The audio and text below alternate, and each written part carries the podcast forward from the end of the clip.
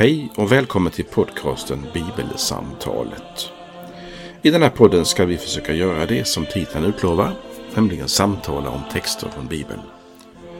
Vår tanke är att varje vecka dela ett samtal om den text från något av evangelierna i Nya Testamentet som är särskilt aktuell den kommande söndagen.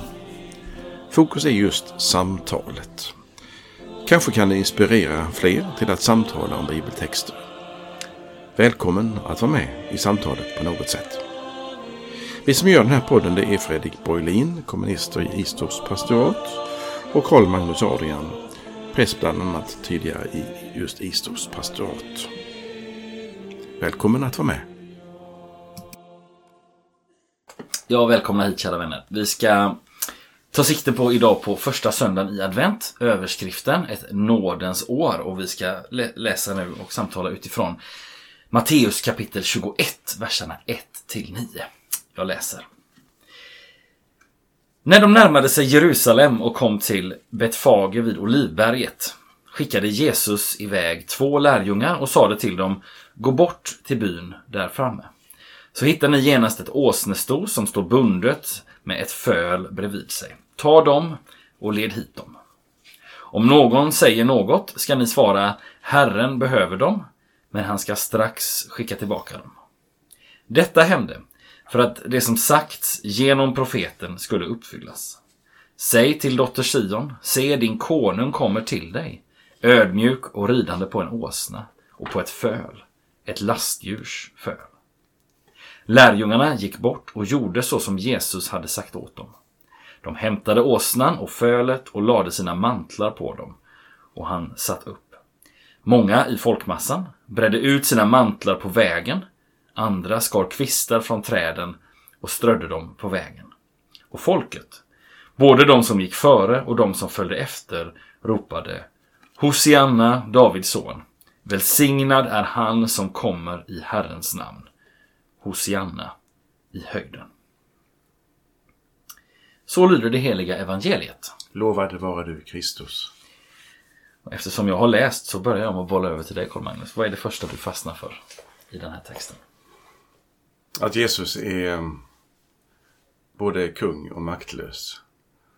Det är, det är en spännande start. Första advent är ju på ett vis en sån här festsöndag mm. i svensk kyrklig tradition och i många andras också. Mm.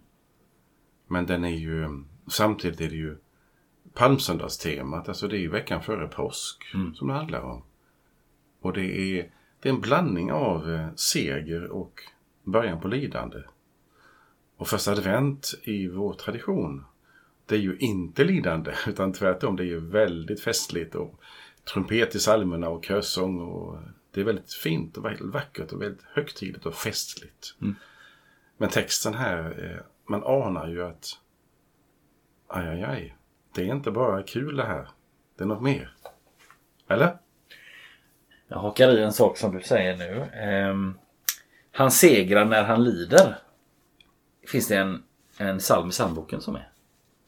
Välsignad vare han som kommer i Herrens namn. Det är någon sån här adventssalm. Mm. Så är det trumpet. Ja, det var, det var ett sidospår. Men... Nej, men detta dubbla liksom.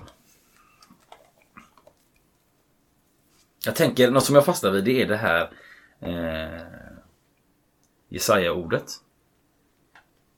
Nej, det är inte alls det. Eh, det är det här profetordet. alltså det som jag fastnar, en sak som jag fastnar för. Det är det här profetordet. Eh, säg till dotter Sion. Se, din konung kommer till dig. Alltså Guds rörelse till oss. Det är inte vi som ska söka upp honom utan det är han som kommer till oss.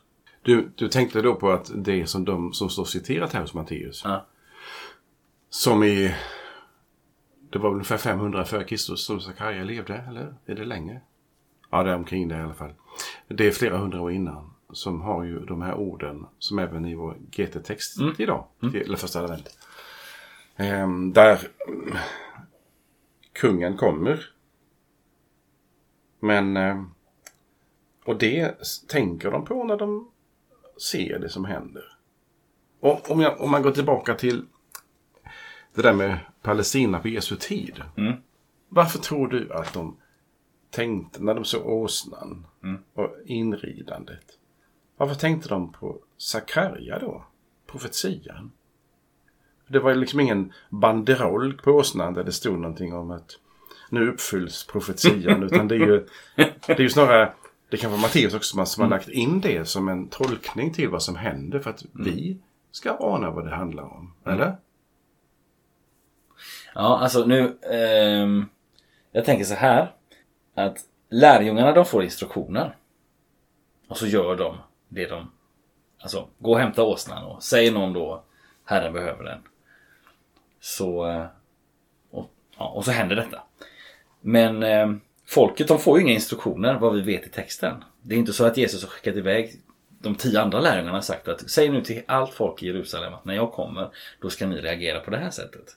Så därför måste de ju förstå utifrån något annat. De måste ju agera på någonting och då, då måste det ju vara hänga ihop med detta som du säger nu. Det vill säga de Nej, det är inte så att åsnan har en banderoll men på något sätt så måste det vara någonting. Alltså den, den förklaringen som vi får om Matteus. Den kopplingen som vi inte gör naturligt för vi bor i Sverige på 2000-talet. Den, liksom, vi behöver Matteus hjälp till att förstå detta, tycker jag. Men, men det behöver inte folk då. För att det är någonting i det som sker som gör att de svarar med ordet från Psaltaren 118. Eller vad det nu är. Just det. Jag tänkte på att om, alltså, jag, jag tror att det är som som du säger att Matteus har lagt in den här versen. Det är ju, han har lagt in den ju innan själva ridandet. Det, efter, när de ska hämta åsnan så kommer Matteus förklaring. Vad är det som händer? Men jag drar mig till minnes att när David red in, blev, blev kröntes till kung. Så red han på en åsna och så gjorde även Salomo. Eh, Och inte på en häst. Och det gör ju vissa en poäng av att hästen är ju maktdjuret och krigsdjuret och åsnan är ju det vardagliga djuret. Och, och nu kommer han, Jesus, som ju, han är ju mått- omåttligt populär bland vissa grupper ju. Och väldigt motsatsen hos vissa grupper. Och så rider han på en åsna. Och nu undrar man, kan det vara så att människor då hade en sån bibelkunskap? Så de tänkte efter, aha, Sakarja och åsnan David och Salomo, kungen, för tusen år sedan innan. Eller är det så som du antydde att det är Matteus som har gett oss med, hjälpt oss med tolkningen och att folk ändå på något vis förstod eller väntade sig någonting som skulle hända.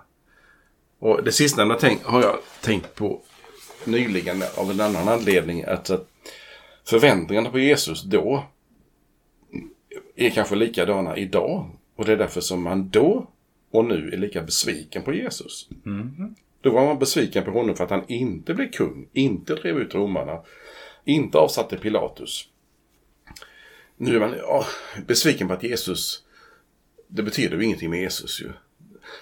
Kriget tar inte slut, eländet tar inte slut, ondskan försvinner inte. Och så tror ni på Jesus. Alltså besvikelsen över Jesus, att han inte gör något, är ju lika stark nu som då. Det var liksom inte lätt att vara lärjunge på den tiden. Nej, det idag. Nej, nej. Och det är någonting här som... Tänk om de tänker så här, nu äntligen ska Jesus slå näven i bordet. Besöka Pilatus, avsätta honom och gå till Kajfas och säga du är en dålig ledare. Jag ska bli överstepräst istället. Just det. Alltså revolution eller reformation som man ska göra. Och det ligger i själva mottagandet, en förhoppning, en längtan hos dem. Och, och det kanske är personligen hos mig att jag, jag, när jag ser texten och tänker efter hur det var då och hur det, är nu. När jag vill se det positivt så är det ett längtan som blir starkt för mig. Alltså man längtar efter någonting. Och, det kom, och, och då kanske det kommer en Jesus, men det kan väl, lika väl komma någon annan. Det spelar ingen roll. Alltså man, man bryr sig inte om vad det är, bara man får makt. Alltså det är makt och framgång som är intressant. Och man är mindre intresserad av att Jesus är Guds son till exempel. Att, eller att lidandet och försoningen och syndernas förlåtelse. Det, det är liksom en sekundärt. Den poängen är makten och nu äntligen kommer han. Och då är det ju en krock, det som du sa innan med, med stä- stället från Sakarja. Att kungen kommer ridande, saktmodig, ödmjuk på en åsna. Mm. Det krockar här ju. Ja. Det är krocken som är. Mm. Bland annat väldigt spännande. Ja. Och jag tänker det här är ju en Jag tänker det här är också en röd tråd. Alltså när, när de säger så här Hosianna Davids son. Då, bety, då betyder det Så uppfattar jag det. Då betyder det också att man Man menar att här kommer den som är Davids son som ska upprätta Davids rike. Alltså där finns det ett militärt eller ett liksom världsligt maktanspråk i detta. Eh, och, och, ja, och det, blir, det blir ju på något sätt krocken i texten. Han kommer, din konung kommer ödmjuk som sagt som du säger. Och så då, men så ropar de, ah, vi anar att de har missförstått någonting när de ropar Hosianna Davids son. Men då är frågan, vad skulle de annars ropa? Mm.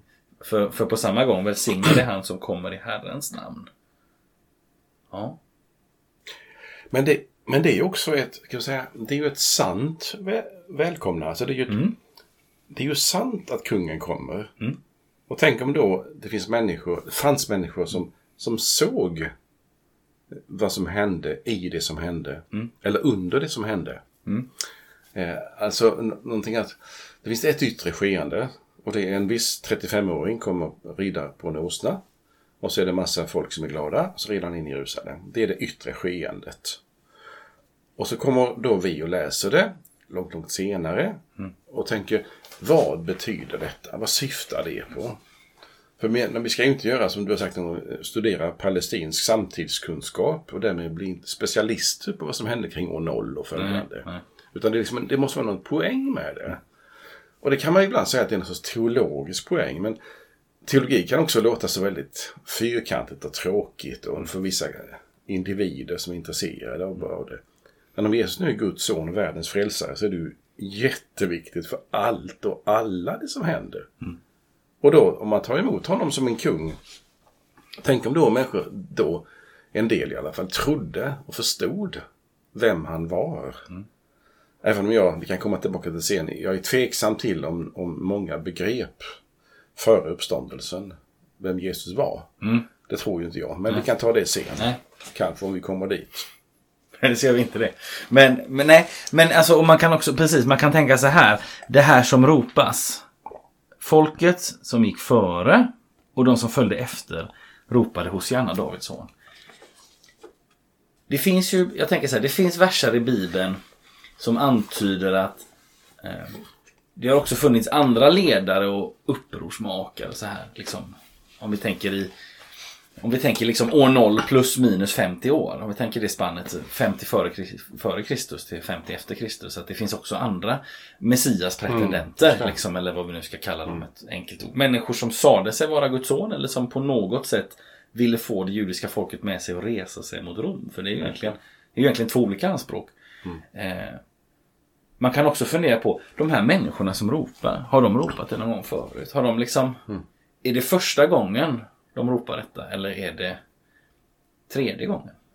Femte? Eller är det första gången för dem själva men de har hört att ah, men min farfar ropade för eh, 44 år sedan. Eh, till någon annan. till någon annan, ja precis. Eller så. Det, liksom, det, det, det, var bara en tanke som slog mig nu. att För om vi tänker så här att vi, ibland gör vi en poäng av i kyrkan. Att, och det blir ju mer tydligt när det är palmsöndag, alltså när vi kommer om ett ganska långt tag. Ibland gör vi en poäng av detta att människorna som ropade hos Janna de ropar sen en vecka senare. Alltså det här är ju en vecka före påskdagen.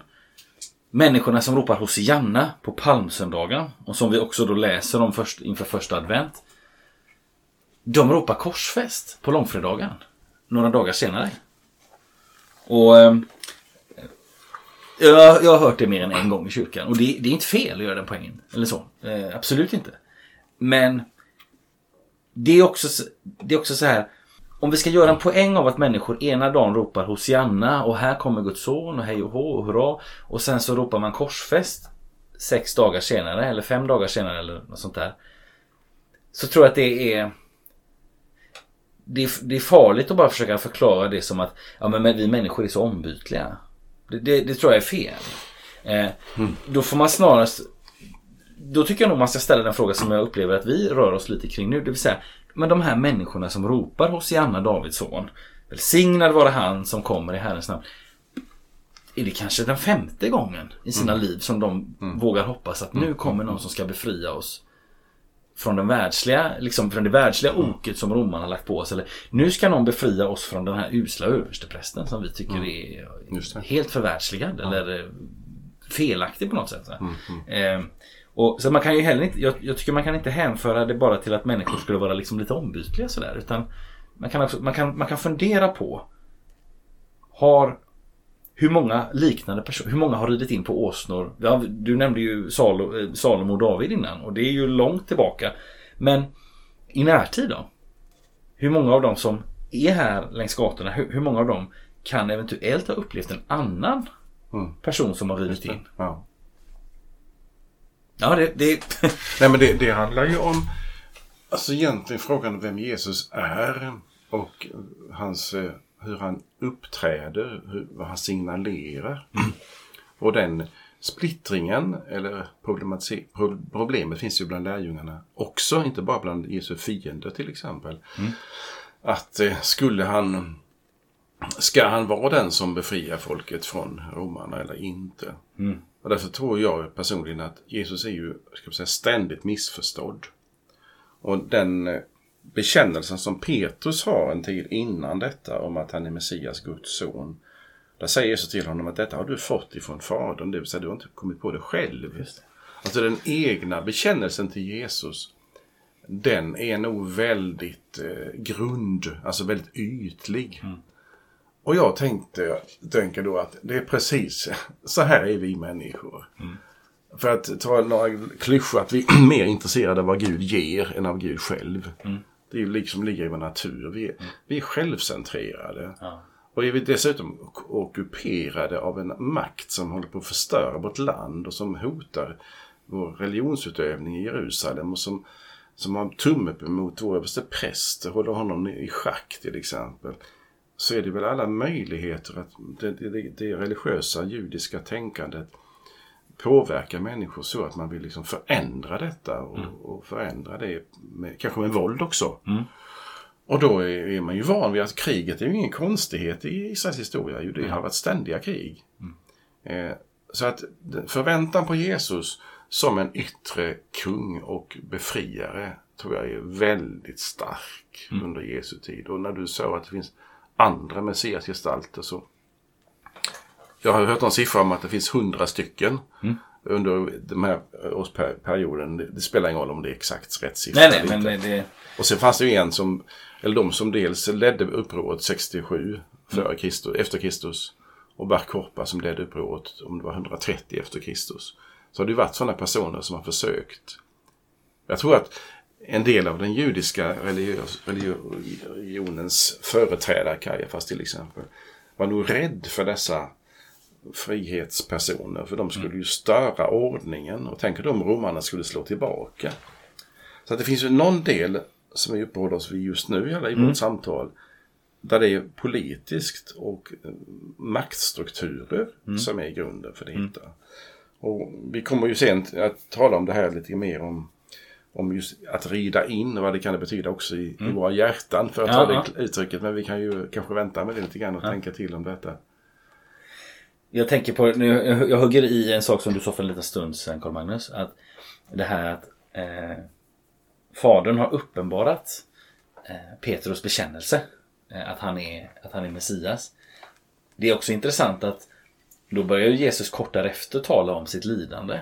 Men det vill Jesus, eller det vill Petrus inte alls höra talas om. Han säger att något sånt ska aldrig hända dig och så vidare. Så att det, det är intressant där hur det finns en bekännelse och så får Petrus veta lite mer. Men, men det kan han inte ta emot liksom. Och det, det stämmer ju mig till ödmjukhet också. Jag behöver inte heller, jag kan heller inte säga att jag, jag är så mottaglig för allting. Nej, jag, jag behöver också, jag behöver också eh, den processen liksom. Självklart. Nej men det är väl väldigt fint om, om vi tar ytterligare en parentes som vi håller på med i vårt samtal. Att om Petrus var med Jesus i, alltså kanske i tre år. Och får höra från Lukas 22 tror jag det står. När du en gång har omvänt dig. Så styrk dina bröder. Alltså är han inte omvänd än? Har han inte, fått, har han inte fått ögonen öppnade? Svar nej. Nej. Och då, då upptäcker vi att det som många lärjungarna har gjort är att de har ju avgjort sig för Jesus. De har ju bestämt sig för att följa honom. Mm. Men hjärtats förändring, det är ju inte färdigt med det. Och det är som, som med oss också. Vi har fattat ytterst lite. Och det går vi på. Och det agerar vi på. Och då kan vi också missbedöma. Men det är så fint tycker jag när Jesus uppträder att han, att han, ska man säga, han moraliserar inte över att människor är så, fattar så lite. Ibland kan han säga det eh, sådär till dem. Men, men det han är ledsen över, det han gråter över, det är att folk inte tar emot honom. När han går till Jerusalem. Men han, han klandrar mycket diskret dessa människor som inte fattar. Och jag tycker att den här texten är, har två, eller ett antal ellipser som, som möts nästan. Och det, det ena är att den enorma förväntan, det som vi pratar om nu. Jajamän. Politiken och makten och ockuperat land. Och det, det är tragiskt och Gud har löften mot Israel. När ska det bli som det har varit tänkt och när ska det nya David uppträda och när ska Davids riket uppträ- bli tydligt och så. Det ligger liksom i luften hela tiden. Och så är de så illa, så illa behandlade. Bara några hundra år tidigare var det ju skövlades ju templet nästan, åtminstone det blir ju av ohelgat genom eh, diverse konstigheter som inträffade. Så det är ju en, en tradition och en historia som är verkligt levande i Jesus samtid. Och som hela tiden pockar på. Och det Jesus går in i det, han är ju, han är ju jude, Jesus. Eh, och lever i den judiska världen. Och då kan man förstå att ja, men det är inte lätt att förstå när nu Gud blir människa ska uppenbaras. För det första, Gud ska bli människa. Vem hade fattat det? Och sen skulle Gud som människa försona världen med sig. Vem hade tänkt den lösningen? Var det inte direkt ett nytt rike som skulle bildas istället? Och så står Jesus och Pilatus och säger mitt rike är inte av den här världen. Alltså det, det, det är en krock. Och återigen vill jag bara säga det jag sa nyss att vi behöver inte vara så rädda för krockar. Därför att det handlar om att ja, men vår tro är väldigt liten. Och vår fattningsförmåga är väldigt liten. Men jag tror inte att Gud på något vis ska vi säga, moraliserar över det. Utan säga du är välkommen att vara med. Du är lärjunge. Du är inget annat än lärjunge. Och du är lärjunge hela livet. Även du, även jag. Man kan fundera på så här. Och det, och det blir ju på något sätt också ett ett tema av detta med att, att din konung kommer till dig. Det vill säga kopplat till detta att vi kan inte omsluta detta helt och hållet själva. Vi kan inte, vi kan inte räkna ut Gud. Vi kan inte, det är han som kommer till oss. Se din konung kommer till det sa dig. du. Ja. Ja, kul. Det igen. Och, ehm, och att det är din konung och att han kommer till dig. Jag tänker att det hör ihop. Lärjungarna får, alltså lärjungarna på något sätt, de, de agerar utifrån att Jesus har gett dem, i den här texten, gett dem instruktioner medan folket då mer reagerar. Alltså det, det finns någonting som gör att de, de svarar och det har vi ju redan talat om på ett sätt. Eh, men sen för att, bara för att byta spår lite. Eh, en sak som, är, som jag funderade på när jag läste den här texten eh, inför detta. Rider Jesus in på åsnan eller rider han in på fölet? Om vi tittar i den här texten. Jag säger pass på den frågan. För att faktum, är, faktum är att jag kan inte, eh, och den som, den som lyssnar och, har en bibel får gärna titta själv. Men jag kan inte utifrån de här verserna i Matteus 21 avgöra om Jesus rider in på fölet eller på åsnan. Eh, och faktum är att hos Markus, Lukas och Johannes så är det tydligt att det är ett föl. För det är bara fölet som hämtas. Men här, i, här hos Matteus så hämtas fölet Eh, så hämtas fölet och modern så att säga. Eh, jag tycker, jag, tycker att det är fi, jag tycker att det är lite fint det här med fölet. Alltså det, är, inte- det är inte bara eh, det här som vi, vi har hört liksom att det är, det är inte krigar och maktdjuret hästen utan det är det, liksom, det, är det enkla vardagliga. Eh, eh den enkla vardagliga åsnan. Eh, men eh, jag skulle vilja lägga till att om det då är så att det är fölet som han rider på, vilket han gör hos de andra evangelisterna uttalat, så är det också att det är någonting oprövat. Det tycker jag är fint med detta. Det vill säga, Jesus säger inte hämta nu den mest väldresserade åsnan. i hela Jerusalem. Eller den största och starkaste eller den som kan ha liksom eh, som kan bära maximalt med olika mantlar så att jag kan sitta riktigt mjukt och skönt. Utan eh, ta hit fölet. Eh, Mm, som är helt oprövat.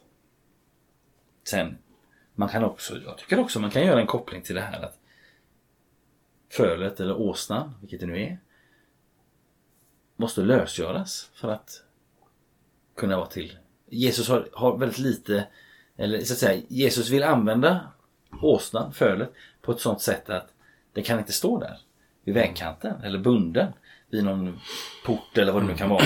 Eh, utan måste befrias. Fint. Och den befrielsen, det, Jesus säger inte till lärjungarna, hitta nu en åsna som klarar av att befria sig själv. Nej. Utan eh, jag, på, på mitt uppdrag, befria den åsnan, så ska jag ta den i min tjänst. Mm. Så det, vi kan, jag tänker så här, om man nu tänker på, nu gör jag en lite lång koppling, men man kan tänka på att vi, vi talar ibland i kyrkan om att vårt lärjungaskap är dopet. Och där ber vi ju så över den som döps. Eh, Gud, du som ensam räddar från allt ont. Befria Lars Nils Fredrik som jag heter. Och som det hette, eller som jag, som det bars när jag döptes. Befria från mörkrets makt. Mm. Det är fint. Ja. Där börjar lärjungaskapet med befrielse och samma sak eh, händer ju med åsnan här tänker jag. Även om inte åsnan är ett dop. Ska vi... Men det är en god tråd. Alltså, det finns, jag går igång på det. Tack för den. Alltså å ena sidan det här som du säger oprövade. Alltså den som inte är vuxen. Den som inte är mogen i sin tro. Eh, vi kan bara tala just ögonblicket om oss själva. Är vi mogna att eh, göra en bibelsamtalpodd? När är jag mogen att vittna om Jesus? När är jag mogen att undervisa? När är jag mogen att bli präst som du och jag är? Eh, då kan vi alltid tycka, och kanske ju äldre vi blir också, att ja, vad har jag, vad, vart har jag kommit i livet? Vad jag, hur har jag mognat? Och så tittar man tillbaka på sitt liv och i mitt fall så tittar jag tillbaka på kanske tidigare föredrag och predikningar och undervisningsmaterial och tänker, vad sa jag då egentligen? Alltså jag är ett oprövat litet föl. Och så tänk om Gud kan använda och vill använda oss. Och det tror jag absolut att han gör. Eh, och eh, då är fölet, precis som du säger, det är, det är oprövat litet, det är inte vant. Och Jesus drar sig inte ett dugg för att använda det. Välkomna alla föl som Ja. inte... Sen tänkte jag att det finns en poäng kanske att mamman är med. Så blir fölet lite lugnare där hon, hon går på vägen till Jerusalem. Vad vet jag. Men det. Och då får vi ta fasta på det när vi läser Matteus om detta. För de andra har nog inte med någon mamma. Om jag eh, minns rätt nu från när jag läste detta lite tidigare. Men i vilket fall som helst så kan man ju tänka på det som vi i vår tradition har gett åsnan för epitet. Alltså lite dum, lite långsam, Ja, lite seg. Men det är ju, jag tror att det är en kulturell betingad Mm. eh, kommentar till åsnan. Utan det är ju verkligen det, det nödvändiga djuret, det möjliga djuret. Den, den lilla traktorn i det lilla bondesamhället. Mm. Eh, Hästen kanske för att dra plogen. Alltså det är, det är det lilla som används och som alla har möjlighet till. Men det är, det är fina tankar om, om det lilla och det oprövade. Som bär Jesus. Ja. Och då tänker jag på det, här med kyrkan. Alltså kyrkan med stort K menar jag då, inte samfundet. Eh, där vi är betrodda med ordet, med sakramenten. Vi bär ut, vi vittnar om Jesus och människor som inte kommer till kyrkan, som inte eh, säger sig vara intresserade. De, de ser och hör oss. Vem är jag? Vem är jag då? Å andra sidan finns det ju en sak som, jag tror att det, om det möjligen är det Ylva Eggehorn eller någon annan som har skrivit någon dikt om detta. Men det är en eh, detalj som ungefär går på samma plan som du. Att blir åsnan antingen väldigt stolt, det vill säga att det, det är mig de tar emot, det är mig de jublar över, det är mig som och så vidare. Eller, och det är verkligen att gå, liksom, då läser vi in lite för mycket i texten men det är ju kul att få tänka fritt i alla fall, vilket vi gör i det här samtalet. Väldigt fint. Eh, får jag gå vidare med en punkt eller vill du säga något mer om det här med fölet? Ja, jag, vill ja, Ja, jag, hade, jag, hade, eller jag, hade, jag, jag gjorde två jag gjorde två kopplingar till, eller rättare sagt så här. Jag tänker på detta med litenhet. Eh, Gud använder det oprövade. Och Eh, och då tänker jag att man med fördel kan lägga till så här att poängen är inte att även de som, alltså om vi nu säger så här. Poängen är inte att ja men de där fölen får vara med dem också. Utan att det är så att säga fölandet eller att vara ett föl, det är det som är så att säga förutsättningen. Det vill säga eh, Jesus använde fölet och eh, om, det, om det då fanns en åsna i Jerusalem som hade namn om sig att vara den mest avancerade, kunniga, erfarna eh, åsnan av alla. Så, så, så, så var den tänkt, så var det Jesus första val men även de små fölen fick vara med. Nej, eh, utan det är så att säga fölskapet som är, som är nyckeln här. Eh, Gud säger det själv, femte Mosebok 7, eh, det är, till, till sitt folk. Det är inte för att ni är ett större folk än andra som Herren fäste sig vid och utvalde er, utan vi är ju mindre än de andra folken. Det har att göra med att Herren fäste sig vid det. Sen ger Johannes döparen en nyckel som jag tycker är fin också. Johannes 3 och 30. Eh, Han, han säger om Jesus här, han ska bli större och jag mindre. Mm. Det är också fint. Alltså det är, lärjungaskapet är inte att jäsa som en deg. Utan det är att Jesus ska få jäsa då i mig. Ja, det, ja, det är gott. Ja.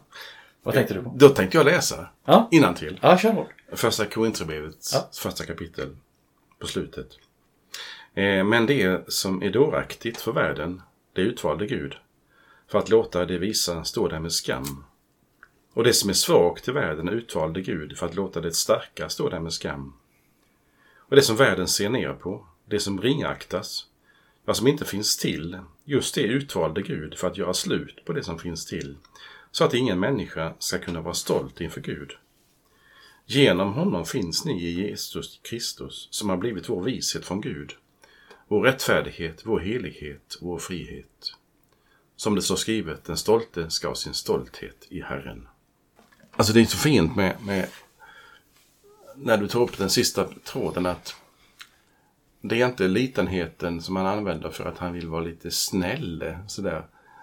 Ja, jag tycker om det också fast du är så liten. Ja. Utan det är just det lilla som är det stora. Den omvända matematiken i Guds rike. Som är så tydlig. Överallt nästan kommer det fram. Det finns så många bibelställen. Vi tar inte upp dem för då blir det för många parenteser kanske. Men det är väldigt stort och väldigt viktigt. Också för kyrkan. Och att kyrkan är alltid en minoritet. Israel är en lit, litet folk. Få. Och genom det lilla så blir hela, som du sa, degen. Du använder degen i en annan betydelse. Ja, just det, ja. Men gästen, den lilla gästen gör att degen växer. Eh, Det är väldigt fint att se. Den lilla tron. Det gör ingenting, bara det är en tro på Kristus. Mm. Så är den Riktningen. väl befäst. Ja, det är gott. Du hade ett annat spår nu som du Nej, jag, jag vill ta en, en liten del av det här med, vi pratade om med att vänta på den politiska befriaren. Så om jag går in till fortsättning på det. Så handlar det om att vad längtar jag efter? Eller vi? Eller man? Om man nu kan säga det. Kan jag uttala mig om vad man längtar efter? Jag menar, säger vi här idag. Det är pretentiöst att säga det. Men på något vis så tror jag att djupast sett inom oss så längtar vi efter någonting. Och den första då längtan det är någonting som är mer eller annorlunda än jag själv. Medan man under lång tid av sitt liv kanske längtar efter att jag ska växa till, jag ska få, jag ska bli, jag ska förverkliga och så vidare. Alltså jaget är i centrum. Och sen när man upptäcker lite mer så känner man att det är inte bra för, med för mycket med jag. Och jag tänker på en mycket dum bild som jag har funderat på i ett annat sammanhang. Det är att tänk om man skulle vara gift med sig själv. Alltså med någon som är en, en kloning av sig själv. Så fruktansvärt det skulle vara. Det vill säga, när, när egoismen får, blir absurd, då avslöjas den. Och jag därför menar jag att människan innerst inne längtar inte efter större bekräftelse, makt, pengar. För när man har fått allt så sitter man där ändå och undrar, vad går allt ut på? Och jag tänkte på ett citat ifrån Vilgot Sjöman. Vem är det? Han var en, jag är äldre än du, han var, eh, han var en filmregissör. Ja. Gjort en del kända filmer. Jag ska inte säga namnen på dem nu, för jag, jag kanske glömmer några. Han säger, jag tror inte på Gud men jag saknar honom. Eh, och jag har gått igång på det citatet. Eh, nu, nu märker vi att nu, nu går vi en aning ifrån texten. Mm. För att vi letar, jag letar efter nu det här med att, att längta efter. Mm. Om jag personligen, eller man i Sverige idag, inte längtar efter den yttre befriaren. Så längtar man efter någonting som jag tänker på som handlar om hjärtat. Alltså mitt hjärta behöver någonting att vara fäst vid. Och jag vill inte vara för mycket fäst vid mig själv. När jag verkligen tänker efter och erkänner. Alltså man kan, man kan ju upptäcka när man blir äldre kanske. Eller när man är ung, vad vet jag. Att eh, det behövs någonting annat. Den andra, den andra. Och då är det någonting som passar ihop med texten. Och det är att när jag går vidare med det här ordet längta, när man längtar efter. Eh, så kommer han på åsnan. Och nu tänker jag att jag står där i folkmassan. Och, så, så kommer han och nu ska vi äntligen bli befriade ifrån romerska ockupationsmakten. Och så märker jag att om nu romarna försvinner imorgon så är mitt hjärta ändå oroligt i mig. För jag har ändå inte fått den frid jag längtat efter. Så även om jag får allt i världen så, jag, så är det ändå någonting som jag saknar. Och då tror jag, eftersom det är mitt eh, mantra, och det, det är ju inget unikt, tvärtom det är miljarder människor som tänker så. Det är kärleken som jag längtar efter. Fast jag har den, fast den finns, så är det ju det som är drivkraften väldigt mycket. Och den, den, den drivkraften kamoufleras bakom makt, pengar, eh, ett namn, berömdhet. Men det är inte det som jag djupast sett längtar efter, utan det är då att någon, någon ska säga inte bara vad duktig du är, utan jag tycker om dig. Och det märker vi när vi ser Jesu liv och, och det han har gjort i sammanhang. Det är ju poängen med allting. Ty så älskade Gud världen att han gav den sin enda son. Så är det för kärleken som drivkraft i Jesus. Medan vi, när han kommer, tolkar det som att makt, pengar, framgång, eller eh, mer kristna, massor med kristna, massor med väckelse, äntligen makt, äntligen mycket, äntligen betydelse. Och så är det kanske det lilla. Och där är det lilla, så när du pratar om fölet, det är samma tes. Så finns det hemligheten liksom gömd. Den finns där. Det tycker jag eh, väldigt mycket om personligen. Går du igång på det? Ja, i någon mån. Jo, men, jo det gör jag. Eh, samtidigt som när man säger så här, mer väckelse. Är det då, är det liksom, ja, eh, jo, jo, det, jo men det träffar mig för att om man då till exempel, det finns ju också en risk att om man till exempel eh, vi har fått uppdraget att gå ut Eh, om vi liksom hoppar framåt i historien och Jesus säger gå ut och gör alla folk till lärjungar. Döp dem i Faderns och så vidare och så vidare. Gör, gör människor till lärjungar. Det, det är liksom det uppdraget vi har av Jesus, Matteus 28. Och att också där så finns ju, inte bara när Jesus kommer inridande, finns det möjlighet för oss att missförstå honom. Och tänka nu, haha, nu, nu kastar han ut romarna, här kommer Davids son. Eh, och ehm, eh, Eh, jag kommer få det bättre. Eller vad det nu kan vara. Men också när Jesus sänder ut oss. Så finns det ju möjlighet att i det uppdraget som är mycket, mycket verkligt och mycket, mycket viktigt. Det, det kan ju finnas en, en risk då att vi också börjar tänka oh wow, jag ska göra lärjungar så att det blir känt hur, vilken duktig människa jag är. Eller, alltså det, så det, där, det där tycker jag är intressant. Det där träffar mig. Att, att, alltså varför, alltså det finns en, det finns en fälla även, även i uppdraget. Att, att det, det finns en risk att det börjar handla om mig. Att jag ska vara duktig och vis och klok och sådär. Men nej, det är inte. Jesus har ju inte sänt ut mig eller någon annan människa för att vi är duktiga. Utan det är för att han vill nå dem.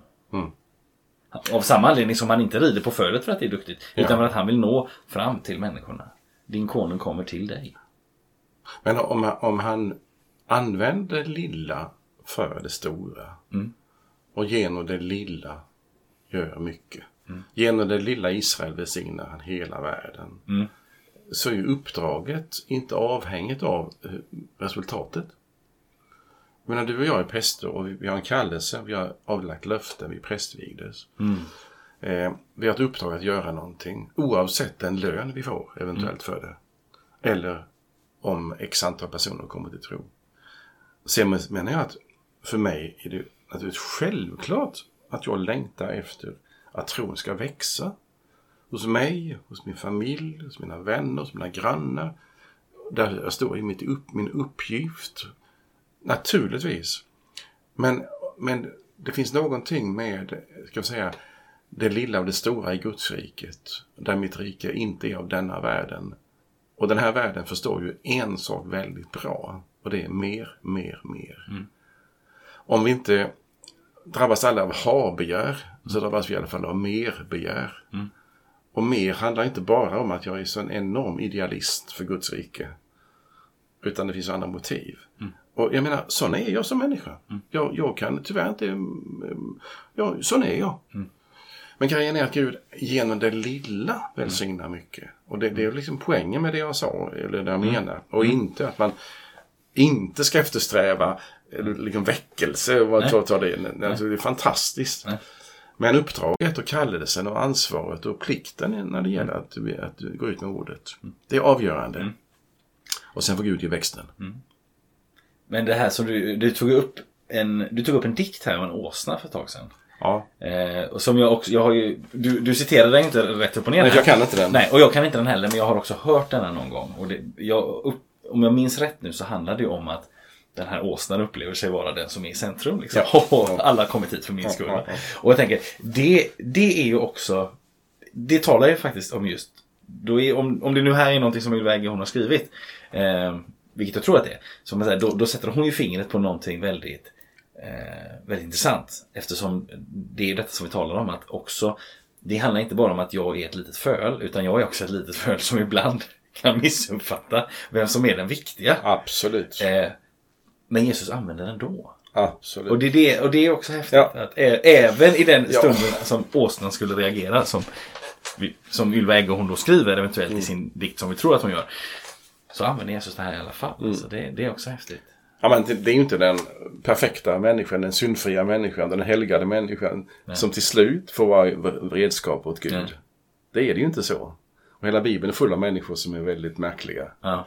Eh, utan det, och det är gåvan, nåden, som är poängen. Ja. Eh, innan vi slutar så ja. bara tänkte jag, eh, ska vi säga ett ord eller tre ord eller tusen ord om ett nådens år?